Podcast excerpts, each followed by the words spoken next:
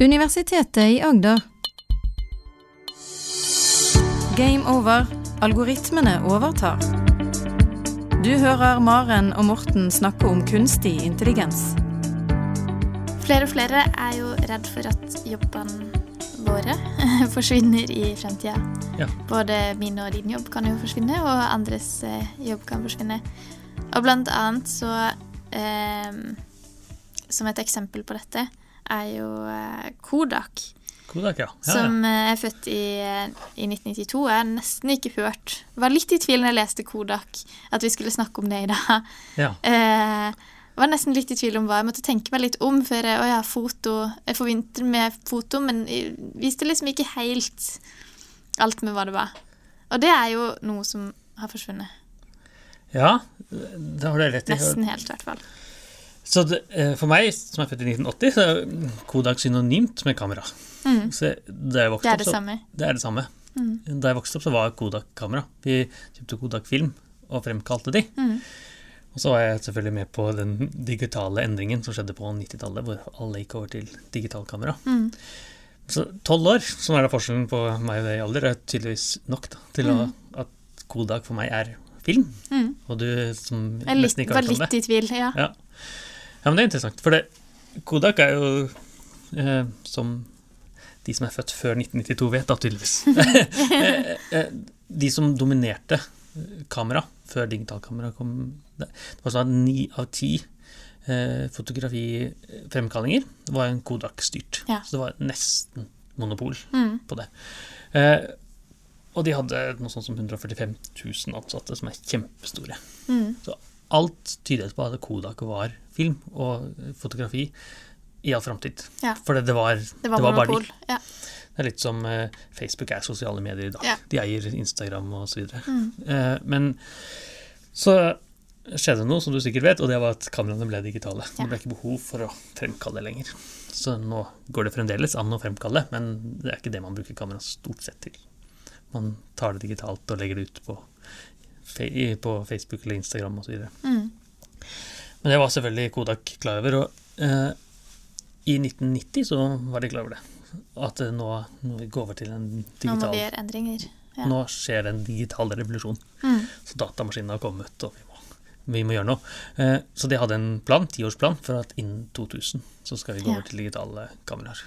Ti år.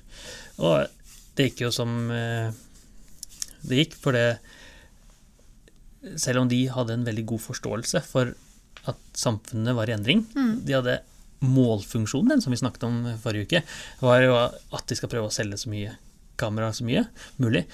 Eh, Men hele samfunnet endret seg, så det var plutselig ikke lenger behov for det. Og i 1997 så fikk de kjempepanikk, for da gikk de over fra en fortjeneste på 16 milliarder dollar, en enorm sum, til 14,4. Ja, Det, var det, panikk. det var panikken, da. det var panikk, ja. Men det de ikke skjønte, var at, det, at de burde ha mye mer panikk enn som det. ja. For det En tiårsplan holdt ikke. tiårsplan holdt ikke. Nei. Og mens de hadde til og med noen patenter på noen digitalkameraer som de kunne brukt, og solgt digitalkamera allerede fra 1990, og vært de første Oi. som solgte digitalkamera. Oi. Men de valgte ikke å gjøre det, for de valgte å tjene mest mulig penger på fremkallingen så lenge de kunne. Ja. Og få tilbake eh, fra Få tilbake eh, så mye de kunne Mm. på disse kameraene. Og i 2012 så gikk de selvfølgelig, i hvert fall for alle praktiske formål, konkurs. Ja. 145 000 ansatte var ikke lenger Uff, det er en trengte. krise. Ja. Ja, det er selvfølgelig krise for de 145 000 der. ja. Men det var nok eh, ikke bare Kodak sin skyld, det var jo hele eh, verden som var annerledes i 2012 enn i 1888, tror jeg det var Ja, når det ikke startet for veldig lenge siden. ja. Så, eh, og det er jo et typisk eksempel. En jobb som forsvinner. Mm. Som man tenkte var evig, og så plutselig skjer det endringer.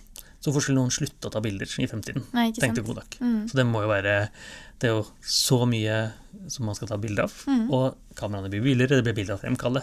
Alt, alt tyder på at vi har Og det hadde de jo rett i. Det har rett i. Men Det de ikke forsto, der var jo f.eks. de sosiale mediene som kom, da. mm, Og digitalkameraene var jo én del av det. Men at man får kamera på telefonen, f.eks. Som gjør at man ikke trenger.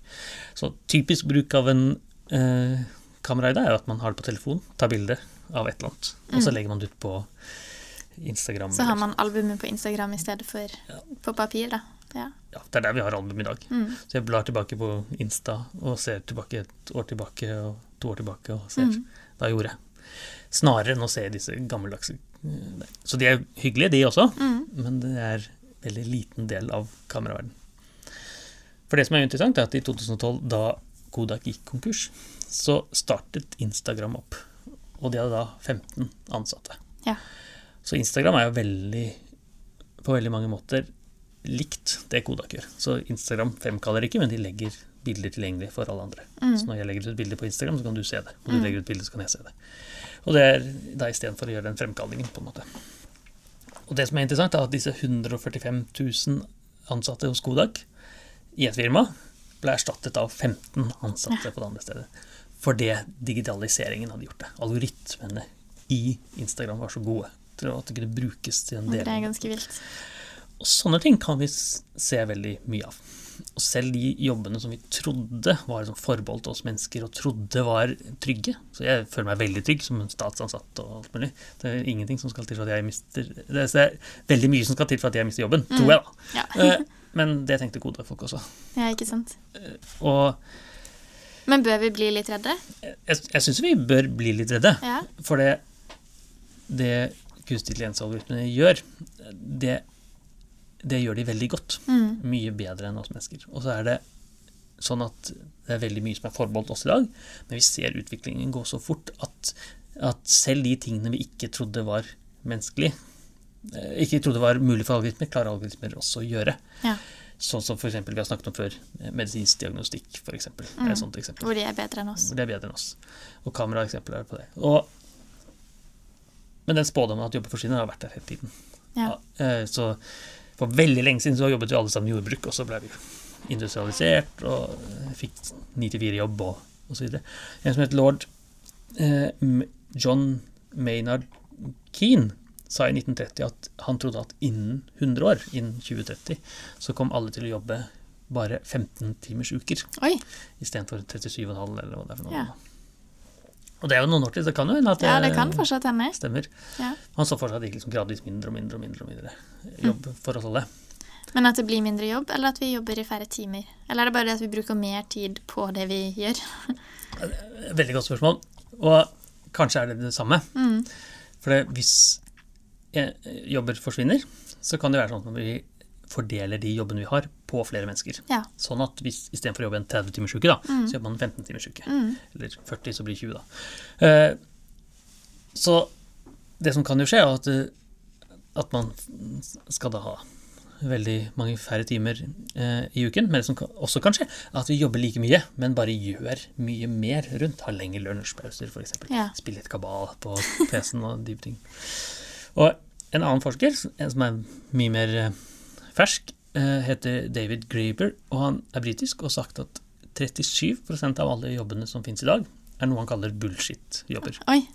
Og det høres jo veldig eh, dumt ut, men Og det sier han at det er veldig mange jobber som bare er skapt for å være jobber. Ja. Mellomleder er et sånt eksempel. da. Så stort sett så klarer folk å lede seg selv. Mm. Og så fins det masse eksempler på mellomledere som blir ansatt, som bare overvåker de ansatte under seg. Ja. Og han mener at det er 30, av alle jobber, så er det da eh, 37% av de. Som, egentlig, som vi egentlig ikke trenger. som egentlig ikke fins. Som bare er sånn oppspinn av seg selv. For at vi skal føle oss nyttige, da. Vi skal føle oss nyttige. Ja. Og ikke, ikke nok med det, hvis man da har en sånn bullshit-jobb, som er veldig flink til å eh, forklare at den er veldig viktig Ja. for andre. Sånn at selv om du forsvinner, så uh, man blir pensjonert eller bytter inn en annen jobb, eller, så trenger man noen som får inn den jobben på en Ja. annen måte. Så man lager en jobb som gjør at man er så viktig. Det er veldig viktig for meg å si at min jobb er viktig. Det er så viktig at selv når jeg forsvinner, så skal andre ha den jobben. Ja. Og mellomleder er et sånt eksempel, men det finnes mange andre eksempler. Da sier jeg ikke at mellomleder ikke trengs, for mellomlederen er veldig, veldig viktig, og han bestemmer om jeg har jobb osv., så, videre, så det er veldig bra. men, eh, eh, men men det er veldig mye vi gjør da, som vi ikke trenger å gjøre. Ja. Eh, Fylle ut eh, timelister, f.eks. ja. Vi bruker unødvendig tid på Og så spørs hvem er det som leser de timelistene. Ja. Sånt eksempel. Reiseregning er et sånt et eksempel. mm.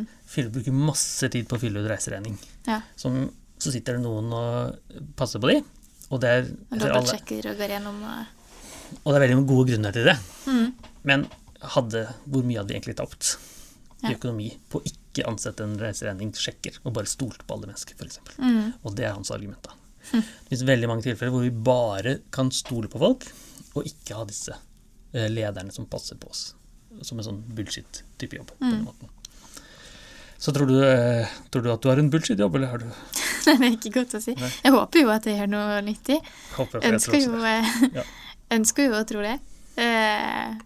Men det føler man vel kanskje i alle jobber, at man er til nytte. Hvis ikke så hadde man jo ikke gått på jobb. Da hadde jeg funnet meg noe annet. Jeg, jeg Hvis jeg ikke trodde at eh, det jeg gjør var noe vits å gjøre, så ja. hadde jeg jo ville hatt en annen jobb. For man ønsker jo å bidra, man ønsker jo å være nyttig, man ønsker jo å Ja. Ja, jeg, tror, jeg tror også det. Så de aller fleste har jo eh, et ønske om å gjøre det bra på jobben. Mm. Og, og, og det betyr også at man kanskje ikke selv skjønner om man har en sånn type jobb. Nei. fordi man sitter og passer på et eller annet, eller gjør noe sånt. Og det, er, men det, og det var akkurat det som skjedde i Kodak. Ja. Det ble satt masse folk og tenkte ut digitale strategier, tenkte ut alt mulig rart. De kan tenke ja, nå skal vi bare eh, få Kanskje folk kan sende inn minnekortene sine for å få fremkalt. Og alle sånne ting tenkte de på. Ja. Men det viste seg bare å være bullshit. Ja. For Instagram kommer liksom sveipa over hele det der. Ble det alt eh, De var Så- for treige, rett og slett. De var altfor trege. Mm. Og, og, men kanskje, ikke, kanskje var de altfor store også. Ja. Kanskje det hadde ikke lønt seg Mm. å gå fra 145 000 ansatte til 15 da, hvis vi skal gå over det. Så er det mange grunner til at Kodak gikk eh, i stykker. Det Instagram er nok ikke forklaringen på det, men det viser veldig tydelig når Instagram kommer Ja. samtidig som Kodak går i stykker. Instagram er nå kjøpt opp av Facebook og er en del av det store maskineriet til eh, Mark Zuckerberg, men det er jo en del av det. Men det er jo interessant da, hvis vi plutselig får 15 timer arbeidsdag, nei, arbeidsuke i stedet for 37,5. Hva tror du det gjør med samfunnet? Ja, eller enda mindre. Jeg tror at det, ikke, tror at det er veldig bra for samfunnet. Ja. Fordi vi har uh, alltid um, noe fornuftig å gjøre. Mm. I hvert fall har jeg det. Ja. Jeg tror de aller fleste har det også. Så det så, min problem i hverdagen er jo at jeg ikke får tid til nok av de Ja. tingene jeg har lyst til å gjøre. ja. Men, eh, eller det, Tror du man kan få bedre psykisk helse, f.eks.? Det er jo en utfordring i dagens samfunn. ja, At man kan få mer tid sammen med familie og prioritere disse ja, ja jeg, det tror jeg helt sikkert. Så jeg hører jo f.eks. argumentet for at man trenger jobb. Alle trenger jobb, for hvis man ikke har jobb, så havner man i en, eh, en eller annen ordning hvor man, som er psykisk utfordrende. mm. Og tenker ja, det er et fint argument. Men motargumentet er at hvis man måler lykken hos folk, så har man eh, Når tror du man, tror man er mest eh, lykkelig? Når, Når, når var du mest lykkelig i livet? Når jeg var mest lykkelig. Er du mest lykkelig nå, kanskje? Eller hvordan er det? Jeg er lykkelig nå, men eh, jeg er jo lykkelig eh, når jeg gjør ting sammen med de jeg er glad i. Ja. Og eh, er med de jeg er glad i, da. Ja, jeg, ja, det samme for meg, da. Mm. Så det er mye som gjør lykkelig. Men hvis man måler når i livet man er lykkelig, så er man mest lykkelig fram til omtrent midten av 20-årene, fra man er barn. Ja. Og så er man mest lykkelig fra 60-årene og ut. da. ja. Så når man ikke er i jobb, rett og slett. Rett og slett når man ikke er i jobb. Ja. Så det betyr at man, det går fint an å ikke ha jobb og være lykkelig. Mm. Og student er et sånt eksempel. da. Ja. Så hvis man er student, så har man ikke jobb. Man får betalt fra staten via stipender og lån og sånt for å være student. Mm. Eh, og studenter er, kan være lykkelige de også, selv om de ikke har jobb. Så det betyr at man kan fint være, ha et lykkelig liv selv at man er arbeidsledig, da, hvis man vil det, men man må ha noe fornuftig å gjøre. antageligvis. Man kan ikke bare sitte og se på, eh, på dag-TV hele dagen, for da blir man sikkert ikke lykkelig av det. De færreste vil men man må ha et eller annet formål. Og ha noe som gjør at man får en en god selvfølelse på ting. Ja, Mm. antageligvis. Og, er, og studenter er et veldig godt eksempel, for det, staten sier jo ikke at du skal studere ingeniør, Nei. men sier at du må studere noe. Mm. Om det er ingeniør som gir deg jobb etterpå, eller om det er eller lærer eller filosofi eller sykepleier, eller sånt, det bryr vi oss ikke om så lenge det er godkjent på en eller annen måte. Mm. Så det er opp til deg da, å finne ut hva som gir mening, mening for deg. Mm. Og, og da er vi fort inne i det som eh, kalles sånn borgerlønn-ordning. Ja. For det, å være student og få betalt fra staten ligner veldig på en sånn borgerlønn-type ordning. At man får betalt fra staten Fordi man bare fordi man er, er Ja. og gjør noe. Ja. Melder seg inn og går på eksamen hvert semester osv. på den måten. Mm. Så jeg tror at det, hvis det er sånn at alle sammen får 15 timers jobber hver uke, eller enda mindre, eller hvis 145 000 ansatte blir om til 15 ansatte, ja. så kan det fort være at vi må over i noen sånne systemer. Ja. Og borgerlønn er en sånn mulighet hvor alle får betalt. Og eh, det får studenter, og det får pensjonister f.eks. Mm. i dag. En Men det er veldig rart å se for seg likevel. Selv om det er som du sier at studenter og pensjonister er der i dag, så eh, føles det jo lang vei før vi kommer dit. Jeg tror det er kjempelang vei. Ja. For hele, hele samfunnet er bygget rundt at alle skal jobbe. Mm. I hvert fall sånn 30-40 år av livet. Og så blir du fort eh, Kanskje ikke sett ned på, men det blir fort en sånn Å ja, er du ikke i jobb? Har du ikke full, Ja. Jobber du ikke fullt? Altså, det er jo mange som eh, Mange eh, normer, og Det, det, er noe det, første, kanskje man blir satt litt i bås, da. det er noe av det første man blir spurt om. tenker jeg, på fest, hva gjør du? Ja. Hvis du sier at jeg er arbeidsledig, f.eks., Mm. så er det kanskje ikke det mest eh, morsomme svaret å gi. Nei. Men den, Og det gjør jo noe med en. det gjør det Det absolutt. er med. en. Men det er i dag hvor det er jeg vet ikke hvor mange prosent arbeidsledige er, men det er i hvert fall ikke så mange. Nei. La oss si det er 5 eller prosent eller noe sånt. Men hvis det er sånn 90% arbeidsledige, så er det ikke sikkert det er så Så kanskje du snur. Da er det jøss, gidder du å jobbe? Men det betyr at det, man kan fremdeles ha oppgaver man gjør. Ja. Så jeg som forsker, for eksempel, vi har, antakeligvis forsket uavhengig om lønnen min kommer fordi jeg er ansatt i staten. Mm. Så syns du det er så gøy at du ville gjort det uansett. Ja. Mm. Og sånn er det for veldig mange andre, tror jeg. Så kanskje kan man bare gjøre mer av det man liker best. Ja. Mm. Man kan velge selv, da. Ja. Man slipper å rapportere timer.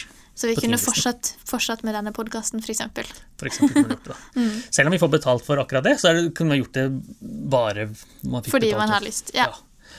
Helt riktig. Og, og det er den store fordelen med automatisering, tenker Ja. jeg. Hvor de kunstig intelligens-algoritmene tar flere og flere jobber, for det kommer de til å gjøre. Mm. Selv om det er litt usikkert hvor lang tid det tar før jobbene blir automatisert, men de blir det. Mange av de. Ikke alle, men mange. Og da er det veldig naivt å si at det bare lønner seg. Det ordner seg, for det ting går seg i hop. Men det er en bedre ting, vil jeg påstå, da. Ja. At jobbene forsvinner. For det er ofte de kjedelige jobbene som forsvinner først. Og så kan vi allikevel gjøre de gøye tingene. Om det Mm. Man kan likevel bidra i samfunnet. Ja, det vil jeg påstå man kan. Mm. Og det er jo sånn at studenter gjør det, selv om de er en kostnad. Ja. Og jeg er også en kostnad for samfunnet. Vel, vi begge er de som er statsansatt. Ja. Vi får jo lønn som går i en eller annen skatt. Så alle de som hører på og betaler skatt, betaler jo lønnen vår Ja. på en måte. Og det er bare at vi har en veldig ordnet form og må komme og fortelle hva vi gjør hver dag, Ja. og, og si at vi driver med podkast osv. Ja. Men det, det man tenke er jo alle de som sitter i sånn Kodak-type situasjoner i dag. Så eh, NRK, eksempel, ja. kjemper mot YouTube Ja. på den måten. Så er det lønnsomt å la NRK være der. Jeg mener at NRK gjør veldig mye bra ting, Mm. men de har en kjempegigant som er f.eks. YouTube. Da. Ja. Og da jeg vokste opp, så husker jeg vi på, på lørdagen pleide å se på sånn Lørdagen og Hallo, hallo. Er det, er det, Ja. er det referanser som gir mening for Nei, deg? eller? jeg skjønner hva du snakker om, men jeg har ikke sett det selv. Men det var ikke sånn at jeg ville se det. Nei, men var- du måtte. Måtte, for det, Ja. var, det var det som var på TV. Ja. Vi satt liksom rundt og spiste pizza på lørdagen og sånn. Mm. Veldig hyggelig det. Men for, det har aldri kommet opp som et forslag på YouTube. Det har aldri kommet sånn 'nå skal du se en episode av. Lørdagen', f.eks. Og det er et eksempel på det de algoritmene i YouTube er veldig mye bedre til å skjønne hva jeg kommer til å like, Ja. enn det NRK var. Som må treffe absolutt hele Norges befolkning på samme måte samtidig. Mm. Og det er litt sånn Kodak Instagram-type moment.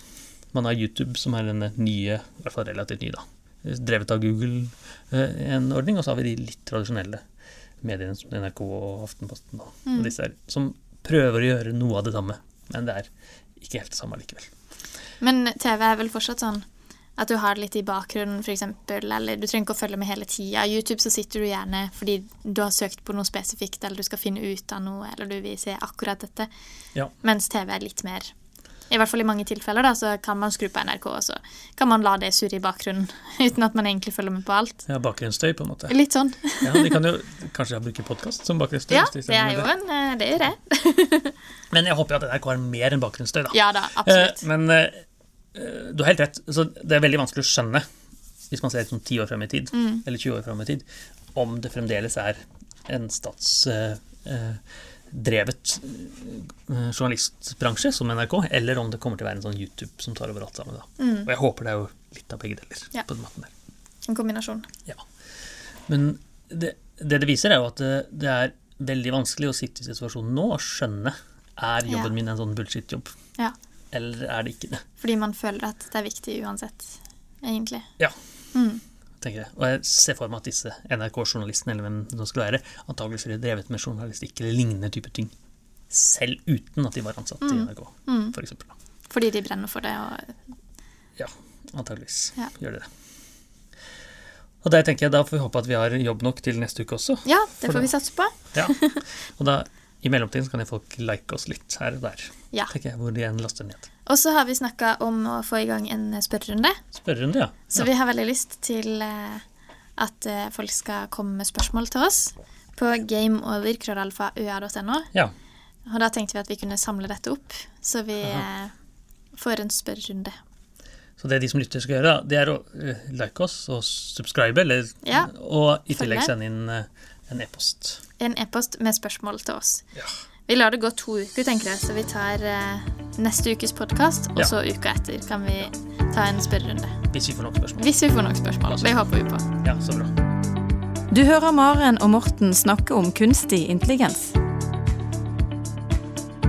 Har du spørsmål til Maren og Morten, send en e-post til gameover.alfakrølluia.no. Du har nå hørt en podkast fra Universitetet i Agder. Du finner flere podkaster fra UiA på uia.no podkast.